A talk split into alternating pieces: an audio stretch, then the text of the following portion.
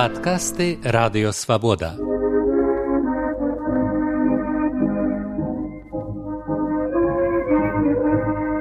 Падарожжа ў БНР з Сергеем Шупам.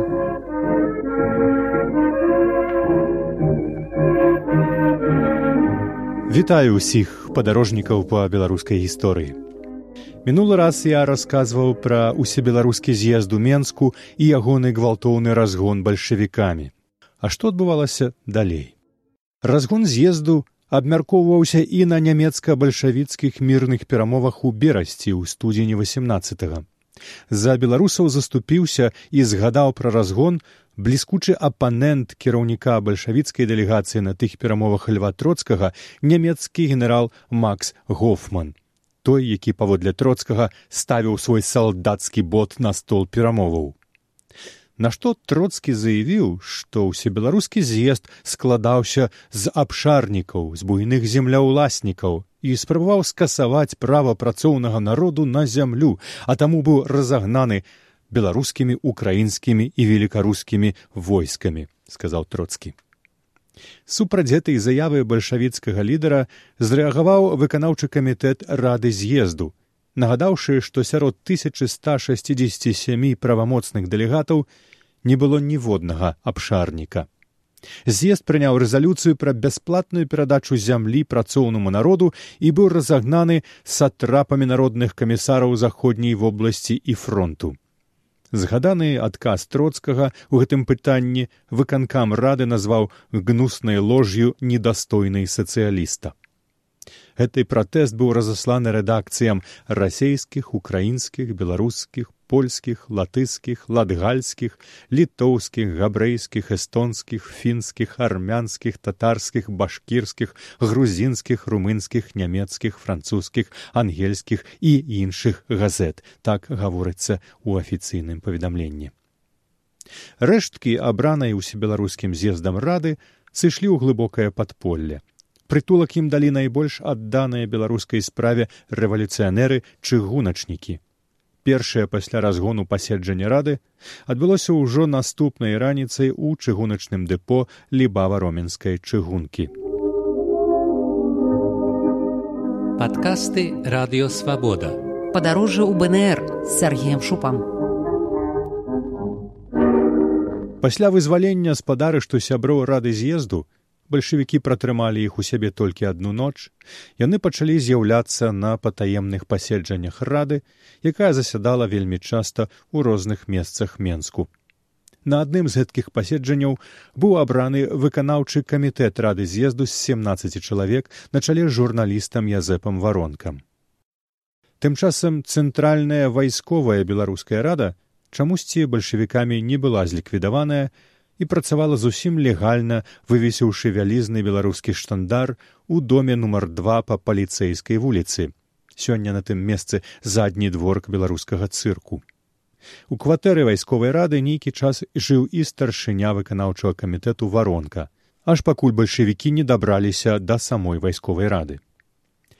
31 студзеня 1918 вайсковая рада была аточаная салдатамі і матросамі як расказвалі забойцамі генерала духоніна у загадзе які падпісаў старшыня аддзелу па барацьбе з контррэвалюцыяй спекуляцыі рэзаўскі гаварылася предписывается вам отправиться в белорусскую войсковую раду дом номер два квартира десять по полицейской улице для производства обыска и ареста всех лиц там находящихся в том числе и посыльного мальчика афанасия Аднак чрезвычайка падышла да выканання загаду нядбала і з находящихся там ліц затрымала толькі сяброў вайсковай рады кастуся і завітава і васяля захарку якія назваліся хто яны а таксама чатырнаццацігадовага хлопчыка апанаса.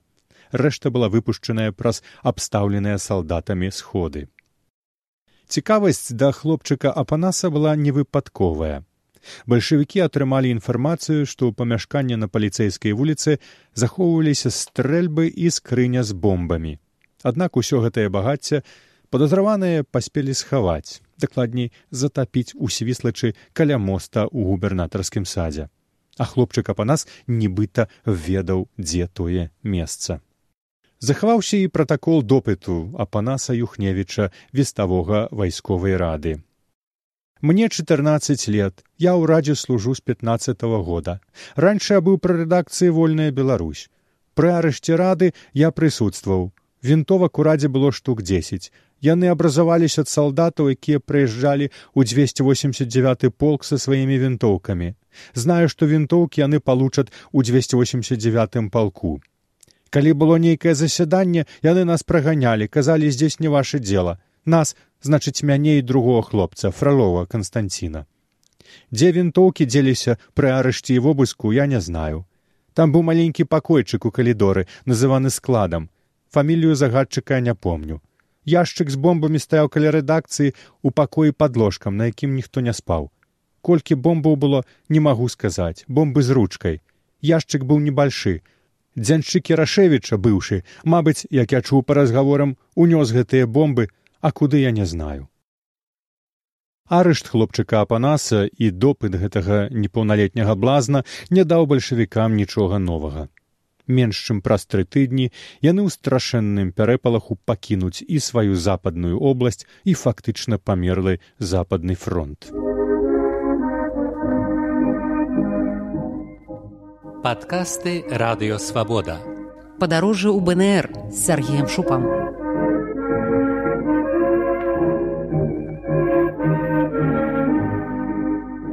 А зараз зноў вернемся ў берасце, дзе тым часам адбываліся перамовы аб сепаратным міры, якія вялі немцы з бальшавікамі з удзелам дэлегацыі украінскай народнай рэспублікі. Паслалі ў берасці сваю дэлегацыю і беларусы. У яе склад былі выбраныя цвікевіч, рак михалоўскі і серада. Далей я перадаю слова самаму яскраваму хранікёру тых падзеяў, настаўніку і паэту макару косцевічу, аўтару словаў гімну мы выйдзем шчыльнымі радамі ён яшчэ вядомы пад псеўданімам краўцоў макар. Першыя два цвікевіч рак михайлоўскі піша косцевіч доўга не думаючы направіліся праз лінію акопаў расійска-нямецкага фронту ў берасце спаўняючы даную ім задачу. А трэці янка серада ніяк не мог адважыцца ехаць следам за першымі двума дэлегатамі невядома чаму і як ён ад іх адбіўся і некалькі разоў з'яўляўся ў вайсковую раду сябрам якое быў з невялічкім сакаваяжам у руках каб зрабіць выгляд што ён сапраўды замерваўся ехаць. Невядома толькі ці хоць раз даехаў серада нават да самога менскага вакзалу.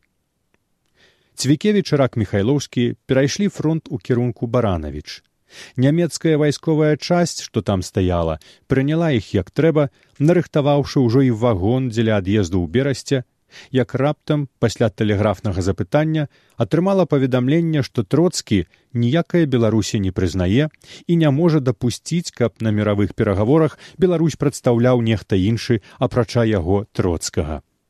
Віза на праезд беларускай дэлегацыі ў берасце не была дана і заставалася толькі шукаць іншых шляхоў праезду У той час, як ад імя рассеі з немцамі гаварыў троцкі, ад імя ўкраіны там жа ў берасці гаварыў галубовіч і іншыя. Цэнтральная ўкраінская рада ў Кіеве выпусціла чацвёрты універсал, абвяшчаючы ўкраіну незалежную народную рэспублікаю і адначасна з тым украінскі ўрад абвясціў вайну бальшавікам як прадстаўнікам маскоўскага імперыялізму. Расійска-украінская вайна пачалася і прывяла да поўнай няўдачы ў краіну. Беларуская дэлегацыя прылучылася ў сарнах да апошняга украінскага эшалёну, які вывозіў цэнтральную раду за граніцу. Украінцы па-братэрску прынялі беларускіх дэлегатаў і направілі іх у берасце пад выглядам кансультантаў дэлегацыі украінская.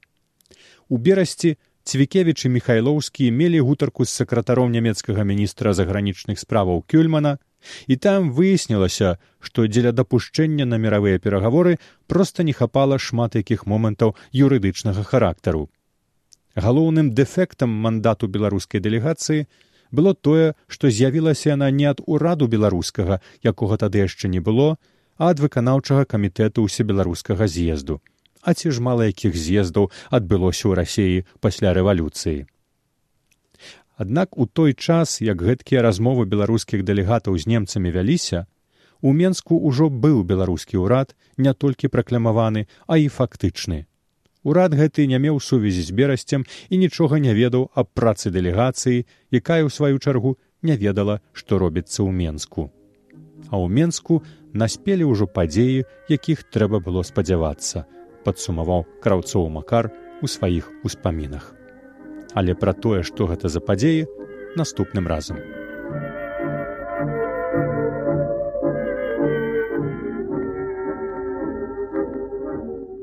Вы слухалі падкаст радыёвабода. Наступны выпуск праз тыдзень. Усе падкасты свабоды ў інтэрнэце на адрасе свабода кропка орг. Штодня у любы час у любым месцы, калі зручна вам. Свабода кропка орг. Ваша свабода.